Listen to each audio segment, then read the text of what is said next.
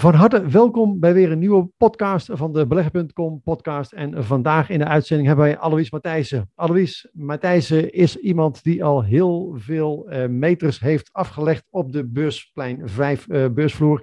Weet ontzettend veel van opties, van daytraden. En uh, ik ben ook heel erg blij dat hij dus vandaag meer gaat vertellen over hoe hij precies geld verdient met beleggen. Welkom Alois. De grote vraag is dit. Hoe verdienen beleggers zoals wij die niet de hele dag achter een scherm willen zitten of veel risico willen lopen, geld met beleggen met bewezen succesvolle strategieën? Dat was de vraag en deze podcast geeft je de antwoorden. Welkom bij de Beleg.com podcast. Dankjewel Harm. En goed dat, dat, dat, je erbij bent, want ja, uh, hoe lang ben jij al bezig met, uh, met, met beleggen? Nou, sorry. Dat is inderdaad al heel lang. Ik ben in 1986 begonnen als marketmaker op de optiebeurs. En uh, dat was eigenlijk in een tijd dat er nog niet eens uh, Nederlandse literatuur over opties was. Toen heb ik een Engels boek gekocht en uh, waarin stond hoe je met opties om moest gaan. En dat heb ik drie keer gelezen en toen heb ik een financier gezocht. Toen ben ik begonnen onder het motto van als je wil leren zwemmen, dan moet je toch een keer het water in. En uh, nou ja, sinds die tijd heb ik dus heel wat uh, dingen meegemaakt daar. En uh, dus aanvankelijk was ik marketmaker, optie specialist, derivatenhandelaar, zoals dat dan officieel heet. En in de negentiger jaren, toen had ik een paar, een paar jongens die kende ik. En die, die waren eigenlijk financier van zes handelaren. En die vroegen mij van, joh, heb jij geen interesse om uh, die tent voor ons te gaan runnen? Omdat ik eigenlijk op, op, pas op latere leeftijd ben ik op de optiebeurs begonnen. Ik was 38 toen ik begon daar. En toen was de gemiddelde leeftijd van, van, de, van de handelaren eerder 28. En ik had toen op het eh, bedrijfsleven heb ik toen al een carrière achter de rug, dus ik had managementervaring. En ik heb dat toen aangepakt en die hadden zes handelaren. Dat heb ik toen in een jaar tijd eh, uitgebouwd naar 21 handelaren. En dat was eigenlijk net in die periode dat ook het fenomeen daytrading over kwam waaien uit Amerika.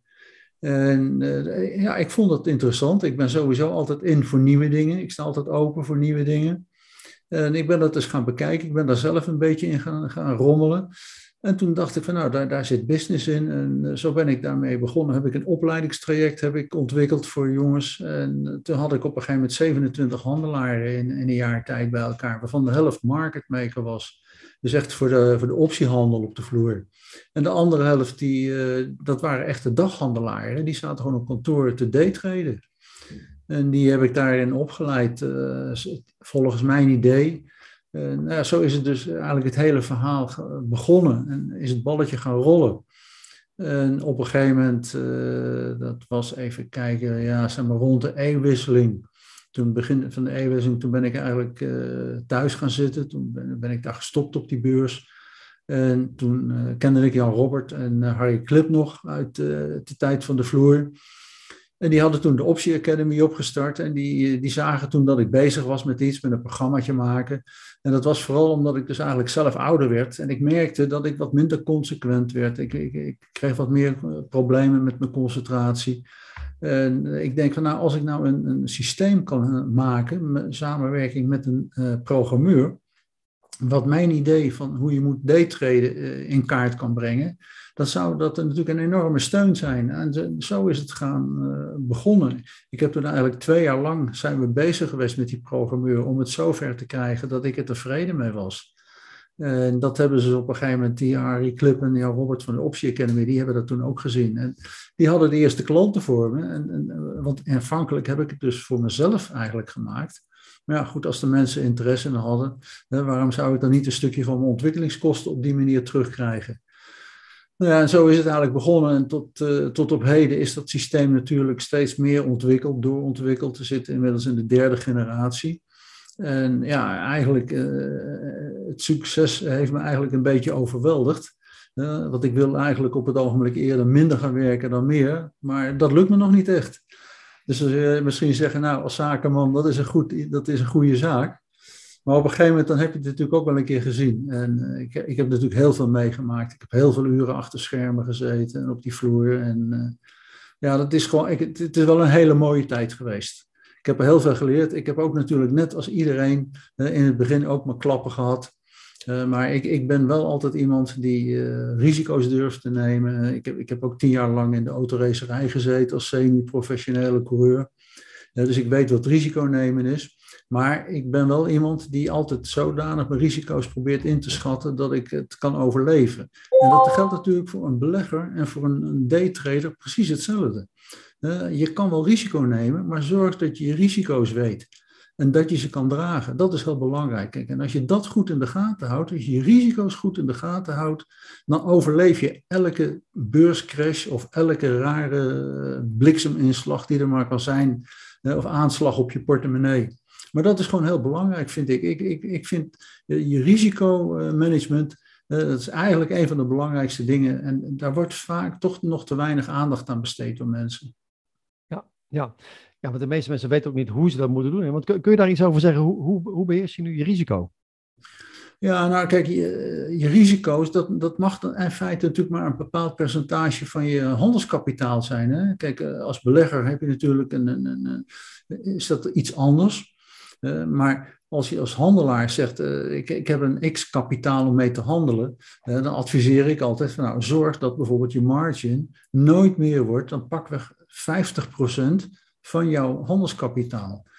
wat dat Wij gingen er vroeger op de vloer altijd vanuit dat ook als beurshandelaar werd er ook margin berekend op onze posities. En dat waren natuurlijk hele grote posities. Wat ik weet nog goed, toen bij de crash van 1987, dus de eerste crash na de Tweede Wereldoorlog, nou, die heb ik net meegemaakt omdat ik in 86 was begonnen. Gelukkig had ik toen ook mijn risicomanagement goed op orde. Uh, maar ik had toen een optiepositie van ruim 2000 opties en 150.000 aandelen Philips. Nou ja, je kan nagaan als er dan een crash komt, als dat niet goed afgedekt is, dan, dan, uh, ja, dan hangen ze je op aan de hoogste boom. En dat heb ik gelukkig overleefd. Ik heb daar zelfs nog geld aan verdiend toen. En, uh, maar dat, dat was voor mij dus ook weer, zorg dat je je risico's goed onder beheer hebt. Zorg dat dat niet de klauwen uitloopt. Ik had bijvoorbeeld een voorbeeld. Vorig jaar had ik een Duitse klant. En die zegt tegen mij op, op, een gegeven moment van ja, over, ging ook over margin en dan alles. Ik zeg ja, ik zeg maar je moet zorgen dat je margin nooit meer dan pakweg 50% van je handelskapitaal is. Ja, ja, ja, ja, zegt hij, dat heb ik inderdaad gemerkt. Zegt hij, want vorig jaar was mijn margin 80% van mijn handelskapitaal en, en, en, ik ben alles kwijt. Ik zeg, ja, ik zeg, dat is ook heel vervelend. Ik zeg, maar dan neem je gewoon te veel risico in verhouding tot het geld waar je mee handelt. Dat moet je altijd goed in, in de gaten houden. Uh, en, en dat is ook wat in mijn systeem, zeg maar, de rode draad is. Uh, probeer je risico's uh, te managen en zorg dat dat niet uit de hand loopt. En je moet altijd zorgen dat je door kan blijven handelen. En dat is, geldt natuurlijk voor een belegger precies hetzelfde.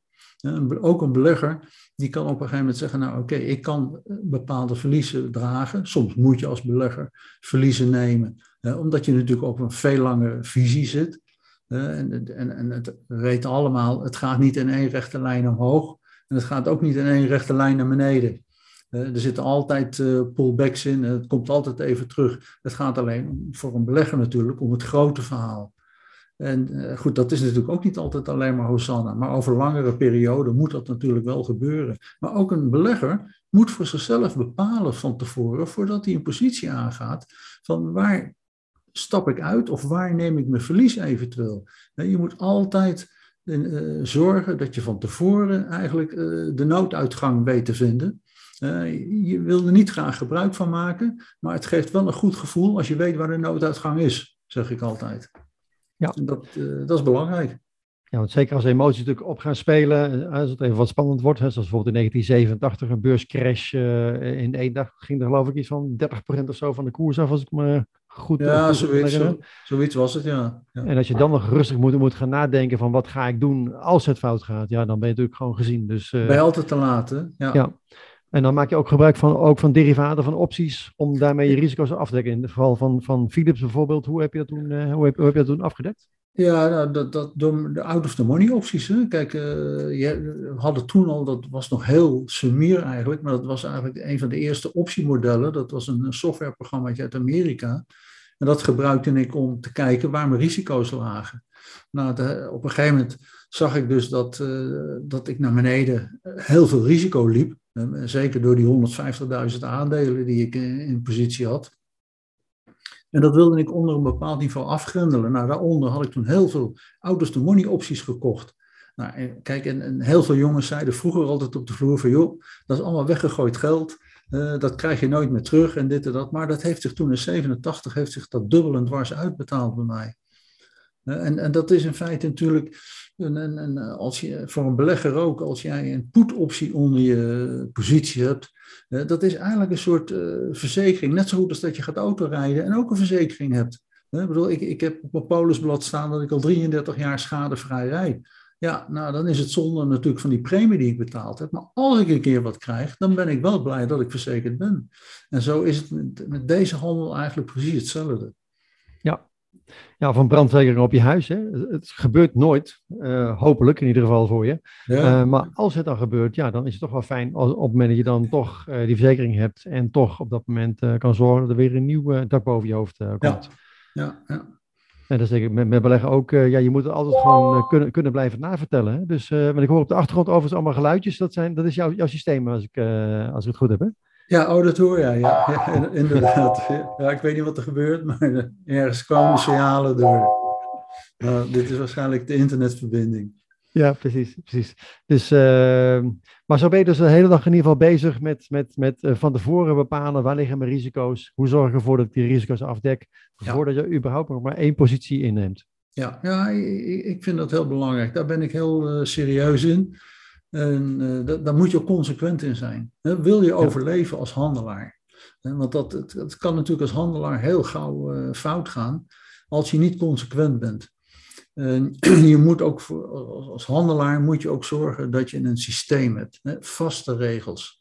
Want ik weet het van mezelf, als ik, als ik een regel heb uh, die ik zelf mag interpreteren, dan ben je altijd geneigd om het naar je eigen inzicht goed te praten.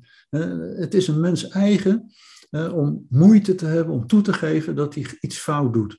en als hij het goed doet, ja, dan willen ze het allemaal wel aan de grote klok hangen. maar daar gaat het juist om. Het is, bij trading komt het mentale aspect ook heel erg om de hoek kijken. En daar vandaan is het handig als je dus bijvoorbeeld een systeem hebt, en of dat nou mijn systeem is of iemand anders systeem, als je maar weet dat het systeem werkt. Maar dan moet je ook consequent aan het systeem zijn. En dat, en dat is vaak best nog wel eens moeilijker dan een hele hoop mensen denken.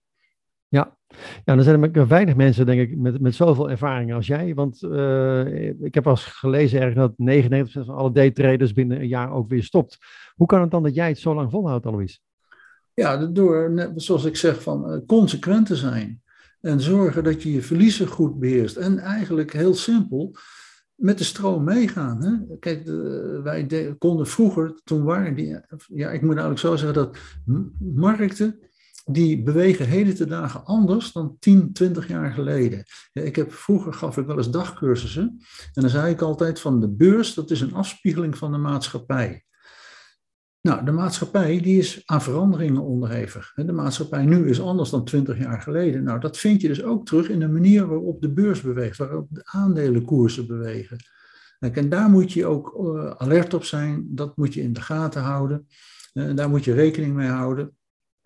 En je moet gewoon zorgen dat je goed weet waar je mee bezig bent. En ga niet tegen de stroom in. Dat konden we, in die tijd konden we dat nog wel eens. Dat als het dan omhoog ging, dan gingen we short. Dus dan verkochten we. En dan als het dan nog een beetje verder was, nou, dan ging je nog wat meer verkopen. En dan op een gegeven moment dan zakte het wel weer een keer. Maar tegenwoordig zie je bijvoorbeeld bij markten dat als het omhoog gaat, dan blijft het gewoon omhoog gaan. Neem nou bijvoorbeeld deze twee dagen. Het, het, het, gaat omhoog en het blijft omhoog gaan. Nou, als je dan short gaat, op de ouderwetse manier, dan word je gewoon uh, gefileerd. Ja. ja, en de markt kan langer irrationeel blijven dan jij liquide, is een, een bekende uitspraak dan natuurlijk ook. Hè? Dus ja. hoe lang hou je dat vol? Ja, ja nou ja, precies zo, zo diep als je zakken zijn, hè, zeg ik altijd. Kijk, en, en de zakken van de beurs, die zijn altijd dieper dan die zakken van jou. Tenminste, van mij, van mij wel. ja, ik, denk, ik, denk, ik denk bij de meeste, bij de meeste traders, ja, tenzij je bij Goldman Sachs werkt, dan heb je natuurlijk misschien uh, nog een, uh, een e-, extra uh, zak waaruit je kunt putten. Maar um, de vraag is natuurlijk of, of jouw leidinggevende zo enthousiast wordt op het moment dat jij zo grote verliezen hebt, hebt gedraaid. Dus, dus uiteindelijk liggen er altijd bepaalde grenzen aan hetgene wat je er gewoon kan verliezen. Ja. het belangrijkste is denk ik gewoon dat je van tevoren uh, zonder dat je emoties daar een rol in spelen, ook uh, ja, alvast hebt besloten, hier trek ik de streep, hier stopt het gewoon. Ehm, en, en, en wat, wat, is, het, is het voor jou nu makkelijker geworden, zeg maar? Want jij doet het nu een paar jaar, uh, uh, bijna, bijna 40 jaar, zeg maar. Ik denk dat maar weinig mensen zijn, kunnen, kunnen zeggen dat ze zoveel ervaring hebben met het, met het handelen. Is het voor jou nu makkelijker geworden om, om je emotie uit te schakelen en, en gewoon te handelen volgens je systeem? Ja, zeker. Dat, dat is natuurlijk een, een, Kijk, ik ben gelukkig van nature ben ik behoorlijk gedisciplineerd. maar ook ik heb natuurlijk mijn emoties en dat heb ik echt moeten leren. Daar heb ik mezelf op getraind hè, door consequent te zijn aan mijn systeem als ik erin geloof. Wil een voorbeeld. Toen wij met, uh, na twee jaar uh, testen met dat systeem, toen zeg ik tegen mijn programmeur, ik zei, nou, dan ga ik er zelf eens proberen mee te handelen. En toen, toen, zag ik dus op een gegeven moment dat we vaak signalen kregen, maar we break-even uit konden komen. Nou, dat was voor mij al een enorme mijlpaal. En toen, toen ben ik dus gaan zitten en toen heeft het drie weken geduurd voordat ik eigenlijk durfde te handelen op mijn eigen systeem. Terwijl ik het zelf ontwikkeld had. Waarmee ik maar wil zeggen hoe moeilijk het is om je emoties uit te schakelen. Want je moet namelijk als handelaar soms dingen doen die eigenlijk tegen je gevoel ingaan. Het is, hetzelfde, het is eigenlijk hetzelfde verhaal als, een, eh, als dat je bij spreken op de rand van een of andere grote berg staat. Ze zeggen wel eens op de, op de, op de rand van die berg, daar groeien, groeien de mooiste muurbloempjes. maar een mens houdt van nature, die houdt afstand, want die is bang in feite dat hij valt. Maar als hij nog twee stappen verder doet, dan gaat er wel een hele mooie wereld voor hem open. Nou, dat is met treden in feite ook. Je moet als het ware soms over een soort drempel heen, over een barrière heen. En je ziet het eigenlijk als sportmensen ook. Door training kun je je grenzen gaan verleggen. En dat geldt precies hetzelfde voor je mind, de mindsetting. En dat, eh, dat is heel belangrijk. En, en, eh, ja, goed, en dat vergt discipline, maar dat kun je leren. Ja, maar wel met heel veel vallen en opstaan, denk ik. Want, ja, uh... ja, ja, ja, ja, maar daarom, daarom moet je ook altijd zorgen dat je, je begint natuurlijk sowieso, als je begint met handelen, moet je beginnen met een, een paper trading account of een demo account. maar als je dan met geld gaat handelen ook, consequent zijn. Hè? En dat, dat is echt de sleutel tot succes. Want kun je zeggen uh, dat er een, een, een bepaalde verhouding zit zeg maar, tussen, tussen discipline, psychologie, emotie en aan de andere kant het hebben van een systeem? Wat, wat, ja, wat, nou, wat is ik, belangrijker? nou, ik heb wel eens gezegd van uh, bij daytraden is het 25% techniek en 75% uh, emotie, mindsetting. nou, nou, kan dat, dat, dat verschilt natuurlijk per persoon, maar om, eigenlijk maar om een beetje aan te geven. Kijk, die techniek, dat, kun je, dat kan in principe iedereen leren. Of jij er geschikt voor bent, en dat is zeg maar dan het grootste gedeelte van die 100%, dat zal blijken of jij daar geschikt voor bent, of je dat kan. Of je met die spanningen om kan, of je met die emotie om kan. want je zit natuurlijk, het is natuurlijk niet alleen maar geld verdienen, het is ook, af en toe moet je geld inleveren. En dan is het juist heel belangrijk dat je mentaal sterk bent en objectief kan blijven. Zodat je dus ook dan consequent kan blijven aan jouw manier van handelen. Hè, wat in feite voor een belegger eigenlijk precies hetzelfde is. Ik heb daar volgens mij een keer een mooie documentaire over gezien. Uh, volgens mij Million Dollar Traders van een, een Nederlandse hedge fund manager in Londen. En die heeft dan op een gegeven moment een groep van, ik dacht iets van twintig verschillende uh, mensen opgeleid en uh, na verloop van tijd waren er een paar die heel succesvol waren.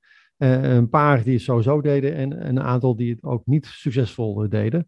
En ja, kregen dus allemaal hetzelfde systeem uitgelegd, maar er waren er maar een paar die echt daarin succesvol waren. En dat zie je dus toch dat echt van die mindset, de discipline, de emotie, toch in ieder geval een hele belangrijke rol daarin, daarin speelt. Ja, ja precies. En, en, ik heb dat zelf ook meegemaakt in die tijd dat ik zelf nog die handelaar op de beurs opleidde, die daghandelaren. Want ik, ik had op een gegeven moment eens een keer een jongen aangenomen. En, ik, en, die, die, zag ik een week aan de gang. En dan mochten ze eerst een tijdje, ik kreeg een demo, een demo geld. En, en toen had ik echt, ik denk, nou, dat wordt de beste die ik ooit heb gehad. Dat wordt echt uh, eentje op zijn Hollandse zetten met een gouden pik. En dat ging ook ontzettend goed, totdat hij op een gegeven moment echt geld mocht werken van ons. Mocht hij van de, van de firma, kreeg hij, hij 20.000 euro op zijn rekening en dan mocht hij dan echt mee gaan handelen. En vanaf dat moment is het compleet fout gegaan met die jongen. Op een na een aantal dagen zat hij gewoon s'morgens te huilen achter zijn computer. En waarom? Die jongen die kon de stress niet aan, die kon daar niet mee omgaan. In het begin, toen was het gewoon spielerij, een spelletje eigenlijk. maar toen het echt menens werd, om echt geld, dan gebeurt er zoiets met me. Als het om geld gaat, zie je heel veel mensen veranderen. En, en dat was bij die jongen heel sterk. Dat was gewoon heel jammer. Ja. En uh, daarom dat, dat, we tegenwoordig ook een, een, webinar geven, wel eens webinars geven, dan noemen we daytrading is a game. Uh, ik zeg ook altijd, je moet niet aan het geld denken als je aan het handelen bent. Je moet gewoon punten proberen te scoren. Uh, als je in de DAX of in de Dow Jones wat doet, punten scoren. En, en, denk niet aan het geld. doe één keer je instelling en kijk dan hoe groot je positie moet zijn. En kijk daar verder niet naar. Maar, maar probeer 10, 20 punten te pakken. En ga niet zitten te, te, te, ja, te focussen op van ik wil 1000 euro verdienen of ik wil 1500 euro verdienen. Want geld doet hele gekke dingen met mensen. Ja, en dan wordt het eigenlijk net als een soort computerspelletje, eh, gewoon gamification, uh, punten scoren en dan uh, hopelijk naar, het, naar, naar het next level. Ja, ik, nou, ik heb toevallig drie weken geleden zag ik een artikel, een Amerikaans artikel, dat ze daar testen hebben gedaan met, uh, met gamers. En, uh, dat was een handelsfirma, die heeft een stel gamers aangenomen, omdat ze verwachten dat die jongens uh, buitengewoon goed zullen presteren. Omdat die natuurlijk nog bepaalde vaardigheden hebben. Die zijn gewend om, om spelletjes te spelen. Dus zeg maar, het aantal dat daar waarschijnlijk van zal kunnen slagen als handelaar is groter dan dat je gewoon mensen hebt die zeggen, nou, ik wil dat vak gaan leren. Ja, ja want het is natuurlijk, aan de ene kant trekt het heel veel mensen natuurlijk wel aan, hè, weer van het grote geld en uh, snel geld verdienen en dergelijke. Aan de andere kant, we weten ook uit ervaring dat gewoon een heel groot deel van de daytraders, uh, want ik, ja, je hoort verschillende percentages, 90%, 96%, 99%. Uh, ik weet, weet niet welke, welke percentage jij hoort, maar van daytraders die dus niet succesvol zijn. Kun je, kun, kun je daar eens over zeggen, wat is daar de oorzaak van? Dat het zo moeilijk is. Eh, het is onkunde. En kijk, je ziet de hele dagen zie je zoveel reclames allemaal van je moet gaan daytraden. En dan zie je foto's van een, een, villa met een zwembad en een dure auto ervoor. En jongens die op de Bahama's liggen. Nou, vergeet dat allemaal. Ik zeg altijd, daytraden is gewoon keihard werken voor je geld. Er is helemaal geen, geen, geen, geen glory. Uh, het is gewoon keihard werken. Je moet zorgen dat je waar je mee bezig bent, dat je dat beheerst, dat je weet waar je mee bezig bent. Uh, en dan moet je gewoon gefocust zijn. En dan kun je inderdaad, uh, soms in een paar uur tijd, kun je leuk geld verdienen. Je bent wel natuurlijk altijd afhankelijk van de markt. Kijk, ik kan, ik kan mijn systeem kan ik aanpassen, ik kan mijn manier van beleggen of van handelen aanpassen. Maar wat ik dus niet kan aanpassen, dat is de markt. Dus je bent altijd afhankelijk van de markt. Dus je hebt ook wel eens een keer dat je bijvoorbeeld een, ochtend zit, dat er gewoon niks gebeurt. Dat als die markt niet wil bewegen, ja, dat is natuurlijk voor een handelaar is dat uh, killing. Ja. ja, want jij werkt geloof ik maar een paar uur per dag, hè? Of dus uh, werken, je werkt, ja, maar, ja, maar je handelt maar een paar uur per dag. Uh. Ja, als ik handel, dan doe ik dat s'morgens van pakweg 9 tot een uur of half 11, 11 uur. Vaak in de DAX. De laatste tijd doe ik bijvoorbeeld meer in de Dow Jones eigenlijk. Omdat die op dit moment zeker zo goed te handelen is. En dat heeft weer als voordeel dat je, als je de Dow Jones hebt, dat je dus zowel s'morgens, middags als s avonds daarin kan handelen. En want dat is natuurlijk ook belangrijk. Uh, je hebt een hoop mensen die denken van nou, als ik maar heel veel verschillende dingen bij elkaar heb staan, dan kan ik altijd wat verdienen. Nou, zo werkt het dus niet. Je kan je veel beter specialiseren uh, op één zaak of twee, twee producten of drie producten maximaal. En doe dat goed. Dat is gewoon veel profijtelijker. Eh, maar ga niet te veel onder, onder je hals halen, want als je niet oppast, dan krijg je dus dat je op een gegeven moment in de een doe je wat. En dan zie je aan de andere kant zie je in één keer iets wat je mist. En dan is het gevolg dat je eigenlijk overal wat gaat missen. Dus ga je specialiseren op iets. Je moet natuurlijk wel uitzoeken waarin je dat gaat doen. Uh, maar als handelaar moet je in feite iets hebben wat bewegelijk is. Dat is heel belangrijk. Hè? Volatility. Zonder volatility is een handelaar ook niks. Nee.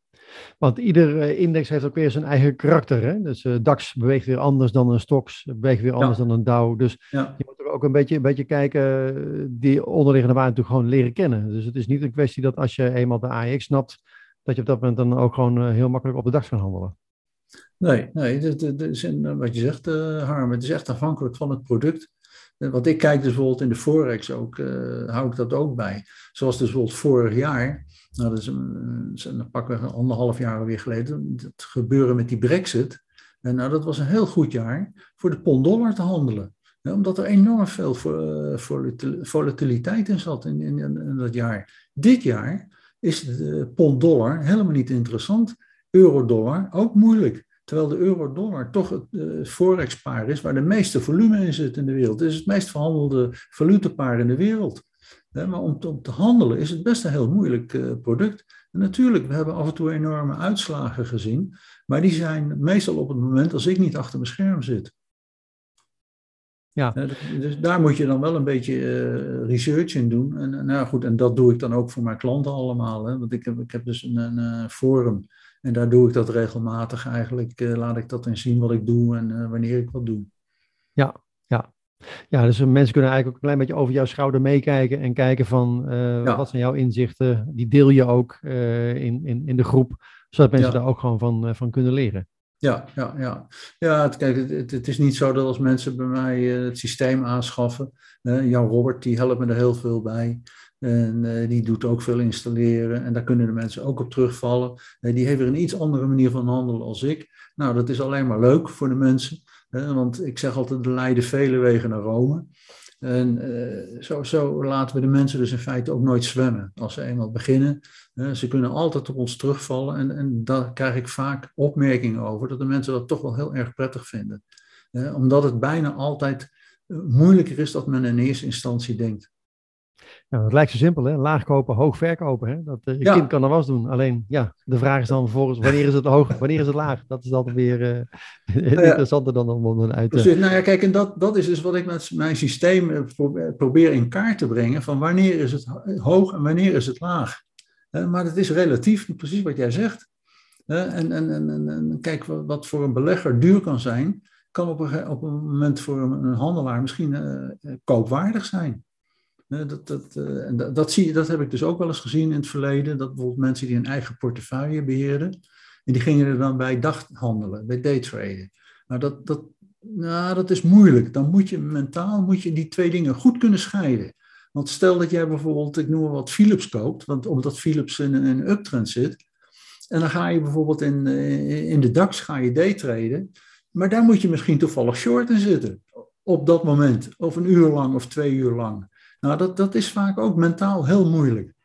Ja, nou, dat kan me heel goed voorstellen, want dan, dan, dan, dan wil je juist weer dat het mede gaat en de andere weer dat het omhoog gaat. En dan ben je tegen je gevoel en met verschillende petten op. Uh, ja, dat kan me voorstellen dat het gewoon emotioneel heel erg ingewikkeld eh, gaat worden. Ja, dan word je emotioneel word je heen en weer geslingerd. Hè? En, en dan moet je gewoon heel sterk in je schoenen staan. Ja, ja. Zeg maar, ik heb begrepen, je gaat aanstaande maandag in ieder geval alles vertellen over jouw systeem samen met, met Jan Robert. Uh, kan je daar iets meer over vertellen, wat je aanstaande maandag gaat, uh, gaat, gaat onthullen?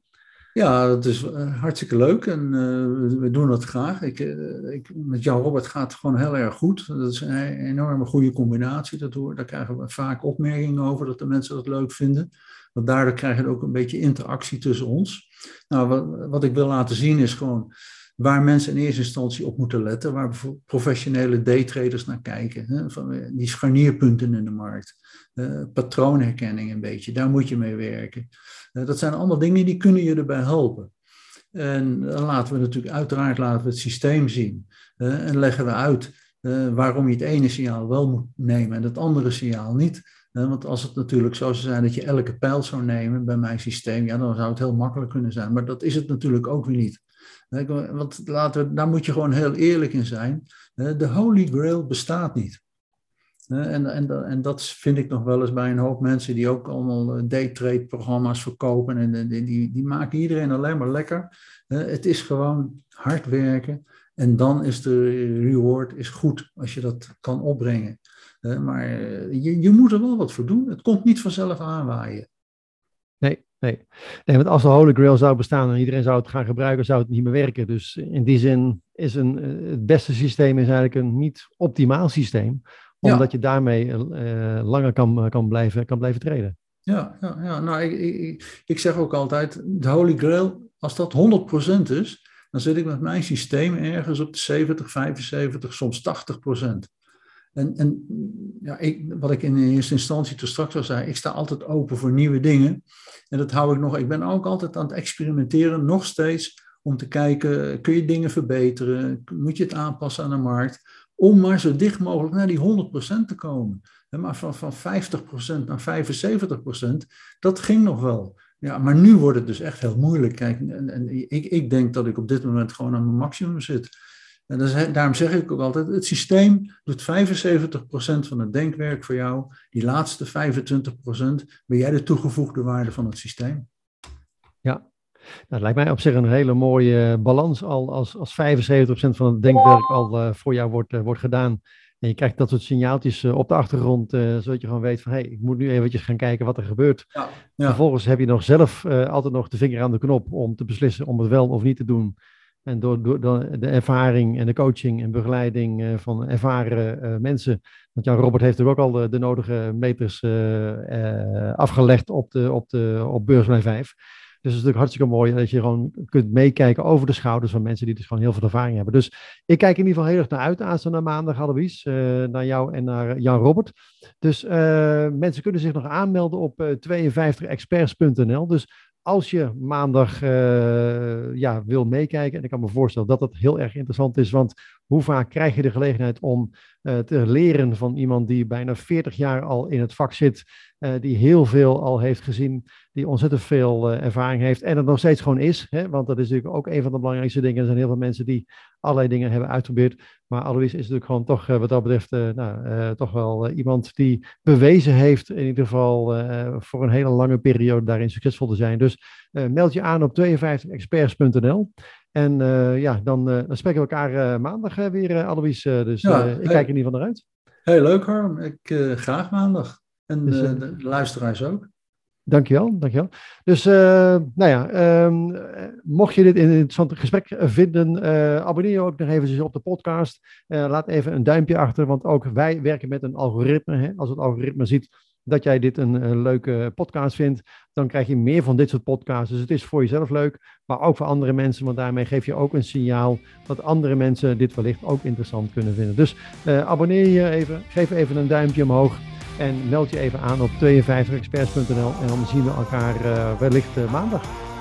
Wil je meer weten over beleggen? Bestel dan jouw kopie van mijn boek in 10 stappen succesvol beleggen of meld je aan voor de gratis online training op www.beleggen.com. In mijn boek en training ontdek je stap voor stap hoe wij bewezen succesvolle strategieën gebruiken om geld te verdienen op de beurs.